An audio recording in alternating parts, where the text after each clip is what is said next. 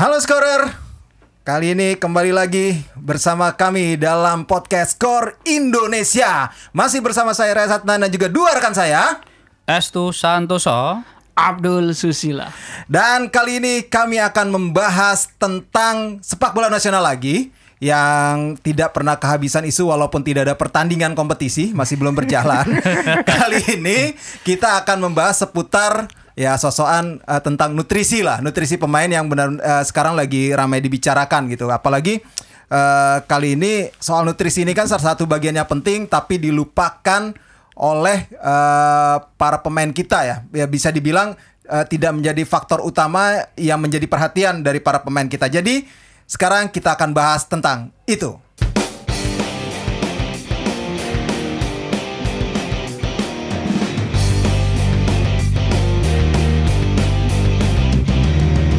Yang penting halal. gitu aja kok repot. Oke, sekarang pertama mungkin dari uh, Mas Estu dulu deh. Mungkin bisa kasih gambaran sebenarnya kalau nutrisi ini sepenting apa sih sebenarnya untuk pemain sepak bola kita ya? Saya pernah diskusi dulu dengan siapa ya Ganesha Putra atau siapa ya. Jadi Mhm. waktu itu dia membandingkan dua pemain. Saya lupa, saya benar lupa. Yang satu pokoknya Ryuji Utomo, yang satu itu an anak pannya Villa 2000. Eh, dia sama-sama junior bareng dengan postur yang sama. Dengan postur yang sama. Nah, kayak semacam sedikit eksperimen gitu. Ternyata ketika perkembangan sebelum jadi eh, ini ya, itu ini sekitar empat tahun yang lalu, tiga tahun yang lalu, ternyata Ryuji itu perkembangan badannya lebih bagus dibandingkan satu pemain. ini. Saya benar lupa pemain ini siapa. Ternyata perkembangan eh, bagus dan si pemain ini ternyata akhirnya mentok di di level di level itu, di level Suratin waktu itu. Suratin atau apa gitulah. Di level itu di usia sem- 18 atau 19 tahun. Nah, ketika Ruji akhirnya ikut walaupun Ruji bukan pemain nomor satu ya zaman Indra Safri ya. Dia masih kalah sama Hansamu, kalah sama Ricky Fajrin waktu itu kan ya.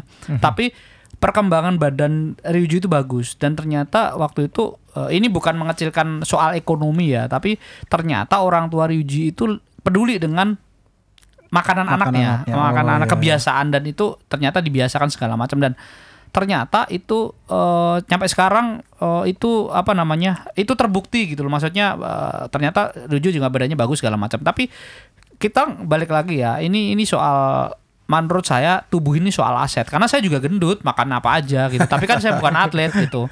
Nah ini kan soal atlet dan eh salah satu legenda Persib Bandung Ajat Sudraja juga mengatakan bahwa ini masalah ini memang masalah pelik dari zaman dulu gitu. Tetapi yang menjadi pelik lagi di era modern ini kan semua sudah terhitung secara matematis ya. Ya, Sepak bola sport itu- science lah ya. Sport science itu se- udah ada hitungannya. Nah, kalau zaman dulu mungkin bisa ditutup tutupin makanya kita bisa masih ngimbangin Korea segala macam karena mungkin polanya sama. Mhm. Tapi sekarang kan teknologi itu tuh nggak bisa hitungan matematik nggak bisa dibohongin dengan hitungan segala macam. Contohnya bip test, bip Iya. test aja sekarang bukan nomor satu lagi untuk ngetes fisik gitu loh. Mhm. Dan itu pun kemarin tanggal 23 atau 24 Agustus kemarin ketika ada bip test di Persija Mhm. itu Otavio Dutra yang 36 tahun terlepas dari dia orang Brazil ya Iya. itu dia nomor satu men- Wah. kalah mengalahkan Evan Novri yang jauh lebih muda Hmm. Ah, artinya ini nutrisi ini kan akhirnya kayak hitungan matematika untuk atlet. Nah itu loh maksud saya hal seperti itu yang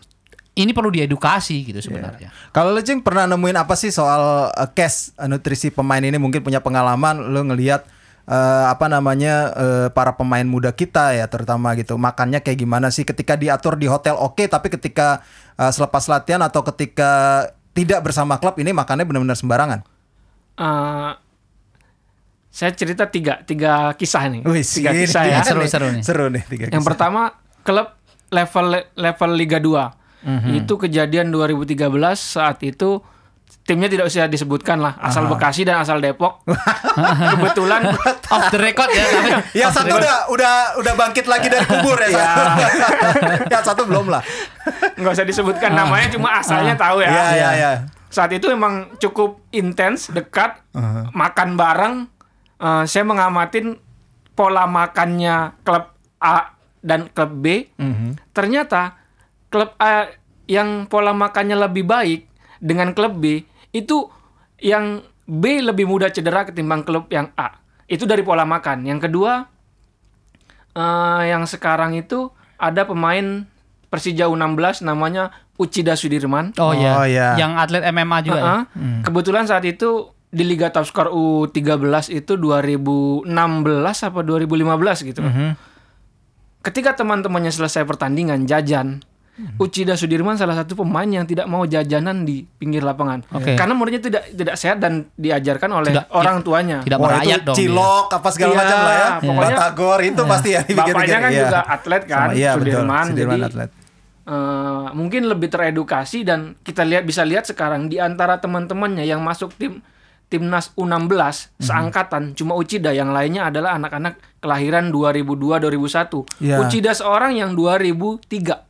Dan Iya, dia benar, juga benar, atlet si atlet lain ya. Ya, Ah, kemarin jadi- dapat medali perunggu ya di SEA Games. Muay Thai. Eh, Muay Perunggu, Muay Thai, Iya. perunggu, Iya. perunggu, perunggu, Muay Thai, Perunggu. Muay Thai ya. Hmm. Itu salah satunya itu Uchida yang terus yang ketiga salah satu pelatih tidak perlu disebutkan namanya Mhm. mengatakan selama timnas Indonesia pemain timnas Indonesia masih makan Indomie sembunyi-sembunyi saat kejuaraan timnas Indonesia nggak akan juara. Mungkin itu fakta dari pelatih tersebut ya. Iya ya, Iya. memang memang kalau kalau gue coba flashback lagi ya, gue sempat ngobrol juga dengan para pelatih gitu dengan uh, pemain gitu. Gue ambil contoh uh, soal uh, kebutuhan makanan ketika sebelum pertandingan itu kan ada porsinya tersendiri, komposisi gizinya yang harus dipenuhi gitu. Gue waktu itu ngobrol juga sama tim dokter lah. Waktu itu dokter Alfat ya, eh dokter siapa? Eh, yang bekas Bayangkara tuh, yang sekarang di PSIS lupa gue. Alvan, Alvan. Alvan. Nah, yang bekas timnas Nah, itu. Jadi kan ada komposisi eh apa namanya misalnya makan makanannya itu karbohidratnya tuh yang benar-benar langsung cepat dicerna kayak model pasta-pasta gitulah spaghetti apa segala macam nah ini kan kita makan nasi terus dagingnya juga daging yang mungkin daging merah atau daging putih ya itu ada ada kayak gitu gitulah pokoknya nah itu eh, kalau kagak diatur seperti itu makannya sembarangan Iya. terus gue pernah ngikut eh, waktu itu kan Persija makan nih Eh, waktu itu tur di Palembang. Waktu itu pertandingan mau ke Palembang lawan Sriwijaya FC lah. Kebetulan kan ada jatah dari media kita makan bareng. Kalau ada bedanya nih, kalau pemain-pemain ini makan malam ya. Jadi pemain yang lokal tuh makannya biasa prasmanan. Memang eh, komposisinya memang sudah gizinya terpenuhi lah. Gizinya apa segala macam itu nasi. Tapi pemain asing disediain khusus pasta makanannya. Udah pasti Minta ini minta beda ya. Udah minta beda. Jadi mereka udah pasti harus disediain. Gue tanya, itu pasta buat siapa? Wah, kalau itu mah khusus pemain asing. Kita mah kagak, kagak makan gitu-gitu. Wah, kayak gitu. Iya, itu udah pakai ada pemain asing. Oh, kayak gitu. Gue bilang. Nah, terus gue juga sempet eh, dikasih tahu sama Juan Revi. Juan Revi bilang gini, saya mas eh, mulai terbiasa harus makan pasta paling nggak spaghetti gitu sebelum pertandingan sejak gue nggak lupa apakah sejak di Milo Arema kali. Zamannya nggak zamannya Arema itu Robert Rene Albert Oh, itu. 2010. Juan Revi. Ah, iya. Dari situ dia jadi keterusan. Saya kalau nggak makan pasta sebelum pertandingan saya lemas katanya. Ah. Dia jadi minimal pokoknya pokoknya saya cari segimanapun sebelum pertandingan harus ada pasta spaghetti. Paling nggak saya pesan McD lah. Kan ada tuh Ah. spagettinya ya jadi McD bisa masuk nanti. tapi gini, tapi saya pernah ngobrol juga dengan pelatih lupa siapa ya, tapi kalau nggak kalau nggak salah Jackson kalau nggak. Jadi eh, waktu ada ahli nutrisinya mengatakan dia dia konsultasi kan, eh, jadi kalau misalnya pertandingan hari Senin gitu kan, otomatis kan dari hari Minggu 24 jam sebelum kick off itu tidak ada makanan nasi, Ya. Ah, tidak ada makanan nasi. Nah, kenyataannya di beberapa tim kita pag kan kalau nggak kena nasi maka kenyang. Bukan, bukan itu. Eh, jadi eh, kick off jam 3 sore hari Senin.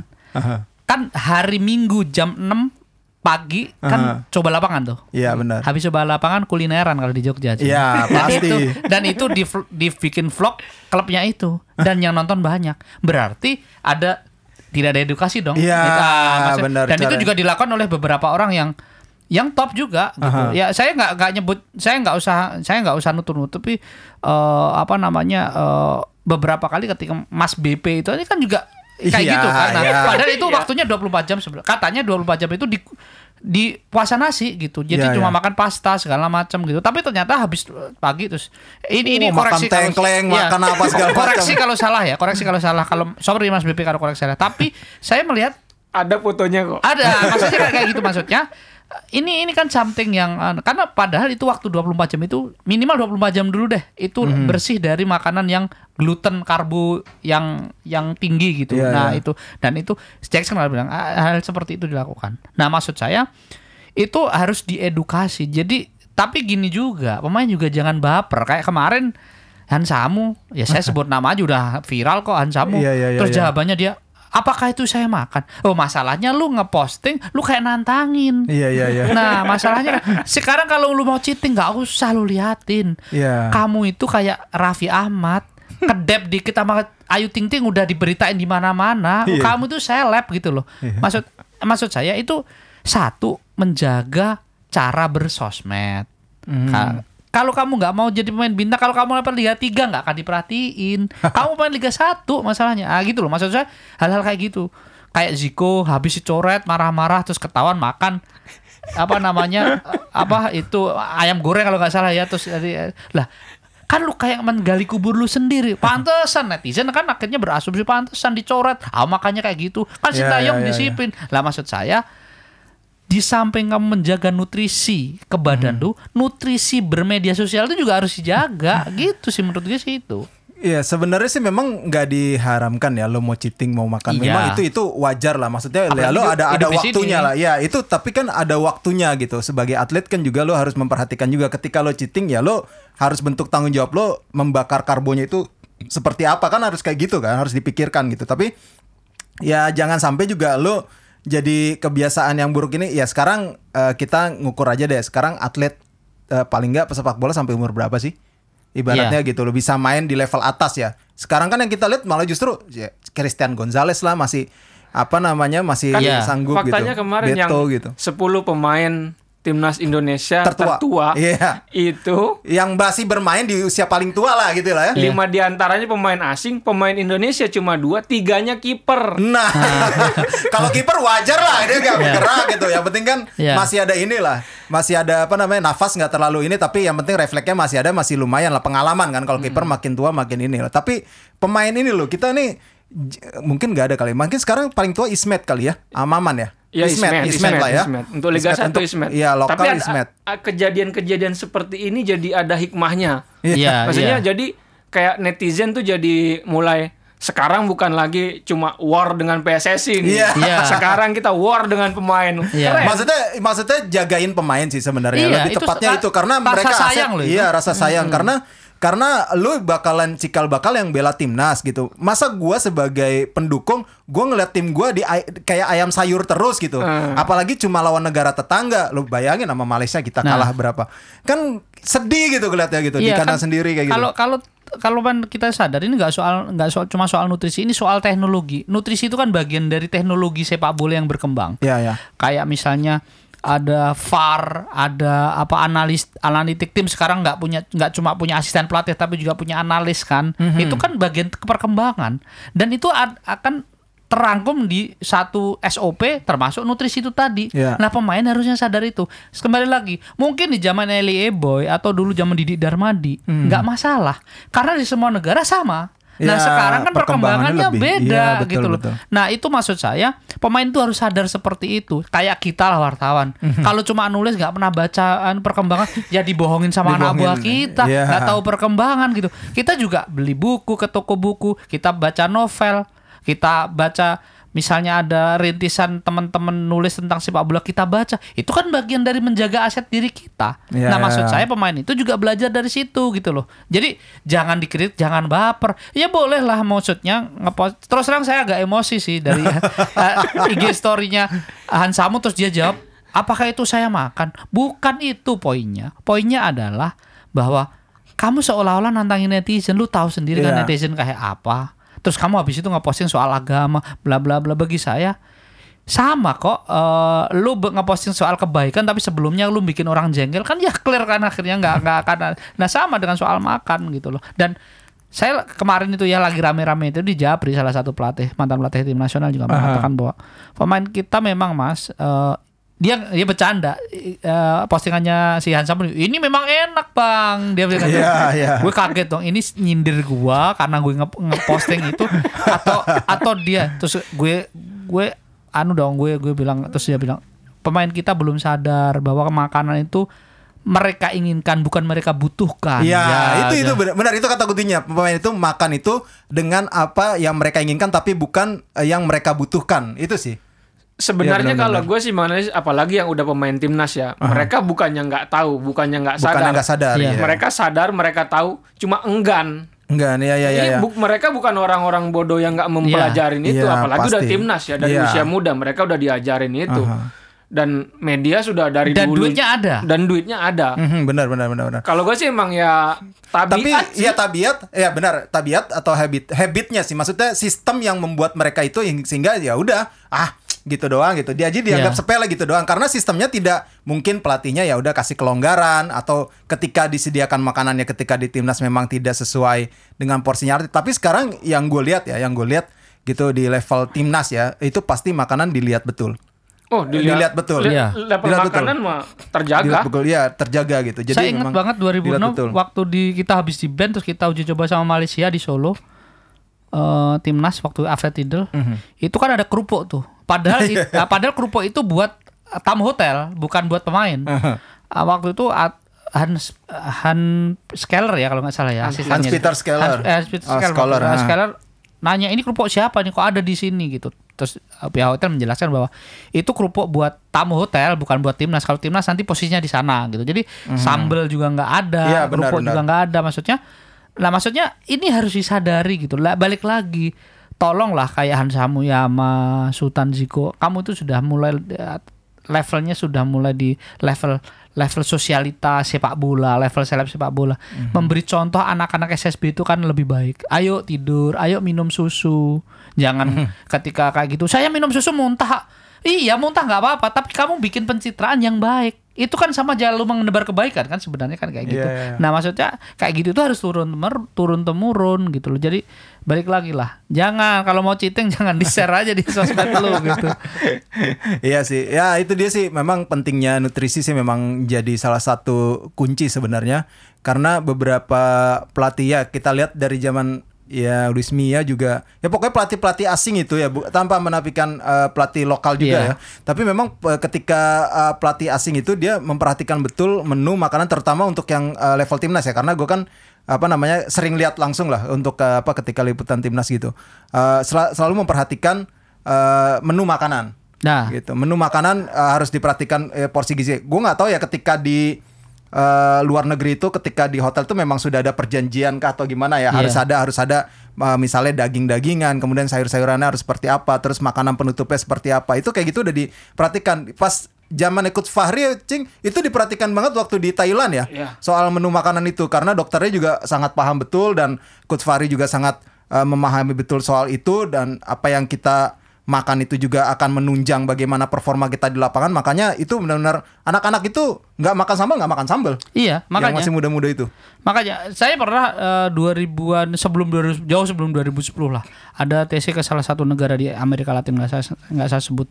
Itu waktu itu belum ada teknologi WhatsApp segala macam. Akhirnya kita pakai apa ya Google kayak dulu apa ya Google yang kayak chatting pakai Google itu loh. ya, ya Google Hangout atau enggak Ah. YM YM YM YM YM, Java Messenger, Java Messenger. ya, ya. Itu kan terus gue kan tolong dong kaptennya waktu itu kirimin foto lu selama di hotel. Di foto dong, Dred. Tahu nggak di belakangnya koper isinya pop mie semua. Oh iya benar. Dan eh ini ini ini, ini cerita ya di timnas Hmm. yang yang lucu gitu. Kan pasti kitman tuh pasti ada tuh. Kan kitman Ah, tuh iya. kamar terpisah. Iya. Terus ada Indomie segala macam. Iya. Jadi yang mau cheating kadang-kadang ada curi-curi tuh kayak gitu-gitu tuh. Iya. Pernah gua ngeliat lah. Ngalamin gitu apa namanya? Apa namanya? eh, kadang-kadang kalau malam-malam lapar minta tolong kitman gitu kayak gitu-gitu. Iya. Tapi kadang-kadang kitmannya juga tahu lah maksudnya, wah janganlah kayak gitu Iya, kan. iya, Kadang-kadang dia juga juga ngerti maksudnya ngelarang pemainnya lu nggak boleh. Paling kalau misalnya minta cemilan kayak coklat-coklat masih oke. Iya. Kalau coklat-coklat masih oke, tapi kalau udah pop mie atau apa itu nggak boleh. Itu khusus khusus buat kitman. itu tuh kocak tuh emang. ya makanya makanya eh, sebenarnya kan balik lagi dan kita harus jadi kita harus nggak nggak harus cuma mengkritisi ya kita juga harus memberikan kebijakan paling tidak gini lah SSB SSB itu juga mulai membiasakan orang tua murid itu dikumpulkan seminggu sekali dikasih pengarahan yang sederhana aja. Bahwa makan itu ya boleh lah. Kalau makan nasi merah belum umum ya nasi putih. Tapi porsinya harus ada sayur minimal. Ini harus misalnya uh, besok mau petanding di liga top skor atau apa atau liga-liga junior gitu. Tanding hari Sabtu Minggu mulai hari Jumat. Makanannya eh, ini direbus ya karena biar kamu ini ini. Kan dikasih edukasi kayak gitu. Mulai dari Ya. sekarang di, jadi eh itu kalau ke PSSI tidak bergerak soal nutrisi ya nggak apa-apa lah. Dari bawah bergerak sendiri aja lah. PSSI ngurusin eh, naturalisasi aja. Pusing ya kan. Ya, jadi sekarang mari kita bergerak dari bawah. Orang-orang tua murid SSB orang-orang tua yang anaknya pengen Ya atlet itu sadar. Karena gini jangan lihat Ronaldo dengan mobil mewahnya jangan Ya, dengan villa tapi mewahnya prosesnya dia gimana? prosesnya gimana dia makan tidur dibatasin makan. Dan itu setiap hari Iya, latihannya ditambah, dia Iya. datang latihan juga nambah sendiri. Yang kayak gitu-gitu tuh yang uh, butuh apa namanya ya uh, kesadaran dari semua sih. Jadi nggak nggak bisa j- jadi tanggung jawab si pelatih atau PSSI atau segala macam. Tapi memang dari mulai keluarga kalau memang memang ingin menjadikan anaknya seorang atlet ya harus dijagain betul sih. Kalau gue sih eh, karena pernah berkecimpung di Liga Tafskar ya. Liga Tafskar itu dari usia 13 tahun dan U12 ya. Ya. Sebelum kompetisi di tengah kompetisi kita selalu mengadakan edukasi. Edukasi. Kita panggil orang-orang dari biasanya dari pelatih-pelatih usia muda timnas untuk mengedukasi orang tua daftar kita samper-samperin eh, SSB SSB itu telah mengedukasi sebenarnya. Telah disampaikan bagaimana makanan yang baik dihimbau untuk tidak jajan sembarangan, tidur jangan malam-malam. Ya. Kembali sih kalau gua ke pemain. Ke pemainnya sendiri ya. Ya udah kita mau kalau sekarang sih perang aja sama pemain udah yang jelek-jelek mau Iya. udah jelekin aja. Iya. udah bukan saatnya lagi edukasi. Udah diedukasi dari dulu. Iya, iya, Dan pemain benar-benar. itu membaca tahu Cristiano Ronaldo bisa demikian itu seperti Iya. apa treatmentnya makannya bagaimana mereka tahu. Mhm. Tergantung ke pemainnya sih. Iya sih memang. Tapi juga habitatnya mendukung sih. Jadi pemainnya kayak gitu kan juga tergantung dari lingkungan. Lingkungannya Ya, dia. tapi kalau kemarin kan ada yang itu sama pacarnya makan di upload.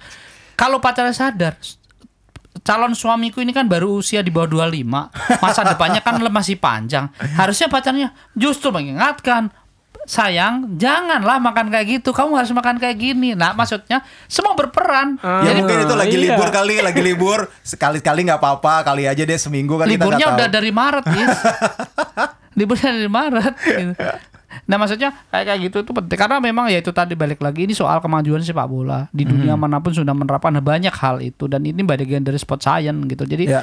jadi eh, tolonglah dipahami itu bahwa itu tuh aset gitu dan kalian itu nggak bisa menjadi diri kalian dan keluarga doang tapi kalian itu juga milik orang umum gitu milik orang banyak jadi juga juga harus sadar bahwa itu penting gitu makanya eh, dua tahun 90 akhir itu em, eh, enggak 2000-an awal. Anak Amaruf pernah bilang kenapa kit- kita itu mas gitu dia bilang kalau kita lawan Korea kita tuh lari selalu kalah satu langkah. Korea itu bernafas sekali kita bernafas dua kali ambilnya. Nah untuk memotong itu kata dia saya berlatih ekstra Iya, nah iya, itu iya. ek- di di awal-awal 2000-an si uh, Anak Maruf kayak gitu. Nah, sekarang kayak gitu ditambah lagi soal istirahat, soal nutrisi, mungkin sekarang kan teknologi makin maju. Iya, di iya, di iya. tim itu nggak punya nggak hanya cuma punya pelatih fit, fi- uh, fisik loh, ada fitness sendiri loh. Jadi fitness fitness sama fisik itu udah berbeda gitu. Mhm. Jadi kebugaran uh, apa sama fisik itu udah berbeda. Jadi udah ada, ada- jadi itu dulu kan cuma paling tuh apa uh, fisik kan cuma ini ini. Sekarang udah endurance lah, udah apalah segala macam itu ada aplikasinya ada semua. Kemarin lihat videonya Persipura itu lemak perut aja di dipegangin gitu sama pelatihnya itu yang orang Brazil itu sih. iya. Oh, dipegangin Eh, dipegangin ini ada sekian terus akhirnya buas waktu nimbang berat badannya bagus tuh, terus dia seneng gitu kan tangannya kayak mengepal gitu kan maksud saya kayak gitu berarti kan ada konsekuensi kan Pak? Iya, Nah, benar. itu loh maksudnya hal-hal kayak gitu Ya sekarang gini, kalau misalnya contoh pemain luar negeri mabok ya pasti Iya. habis main tapi kan dia tahu waktunya dan tahu tanggung jawabnya seperti apa ketika dia minum gitu mabok misalnya Eh, ini bukan ngajarin mabok sih Iya. maksudnya tapi eh, eh, kita mengambil contoh eh, bagaimana bentuk tanggung jawab dari para pemain itu mereka bisa tetap konsisten di permainannya gitu walaupun minum misalnya tapi dia minum itu setelah pertandingan kalau Iya. sebelum pertandingan nggak ada cerita itu setahu gue. Makanya kan tadi kan uh, Jackson bilang 24 jam sebelum pertandingan kick off itu no gluten, no karbo. Iya, iya. Nah, itu untuk menjaga sebenarnya. Jadi badan itu kayak bersih, nanti fresh toh juga tetap makan kan walaupun porsinya memang berbeda, kenyang segala macam. Nah, kayak gitu loh. Itu menurut saya itu yang harus di, disadari dan Ini penting loh. Ini masalah ini kayak sepele katanya. Kan kan ada yang ngamuk-ngamuk tuh oh, di Facebook ada orang kemarin soal isu naturalisasi marah-marah terus setuju gara-gara nutrisi. Loh, ini dua hal yang isu yang berbeda. Iya, iya. Kalau memang pemain asing buktinya ya Dutra, Gonzales lebih baik kok sampai sekarang umurnya Iya, segitu. Beto, Beto juga, wih, masih kuat dia. Makanya maksudnya uh, apalagi lu lari sama Spaso yang jauh lebih muda lagi gitu kan. Nah, maksudnya itu yang harus disadari. Jadi tolong badan kamu aset.